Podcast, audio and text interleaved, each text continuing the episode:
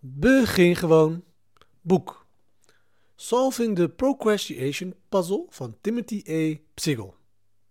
Tim Psigel is een van werelds toonaangevende autoriteiten op het gebied van de wetenschap over het overwinnen van uitstelgedrag. Hij heeft dit geweldige boek geschreven. Een van zijn grootste ideeën is het feit dat, hoewel de woorden doe het gewoon, of zoals Nike het zo mooi zegt, just do it, erg cool klinkt.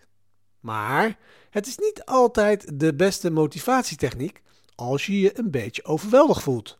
Of als je twijfels hebt of je het wel kan of niet. Een veel betere slogan is: ga gewoon aan de slag. Maak je geen zorgen of je er klaar voor bent of niet. Begin gewoon. En weet je wat? Je kansen dat als je eenmaal begonnen bent om je taak af te ronden, zijn een stuk hoger dan wanneer je met je duimen zit te draaien en aan het stressen bent of je het wel of niet voor elkaar kunt krijgen. Ik dacht aan dit idee terwijl ik me afvroeg of ik een ambitieus doel kon bereiken dat ik mezelf had gesteld. Een klein zeurend stemmetje in mijn hoofd zei: Ik weet niet of ik echt kan slagen in dat doel. Een andere kleine wijze stem zei tegen mij: Kerel, ga gewoon aan de slag en ga door. Tal Ben-Shahar vertelt het volgende. Hij volgt dezelfde aanpak. Hij noemt het zijn 5-minute 5-minute ramp-up. Op de ochtenden dat hij zich niet geïnspireerd voelt om te schrijven, concentreert hij zich niet op het grote plan dat hij wil doen. En of het hem gaat lukken of niet. Hij zegt gewoon tegen zichzelf dat hij moet beginnen. Vijf minuten. Dat is het. Meer niet.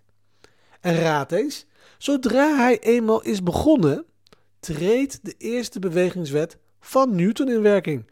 En bam! Meneertje, motivatie is in het huis en hij doet het uitstekend. De oprichter van Spartan Race, Joe de Senna, vertelt ons hetzelfde in een iets andere context. Hij zegt dat het moeilijkste deel van de Spartan Race niet eens de race zelf is. Het is opkomen dagen bij de startlijn. En dus gaan we weer. De microles van vandaag is: Ben jij iets aan het uitstellen? Begin gewoon en je zal zien dat je het gewoon gaat doen.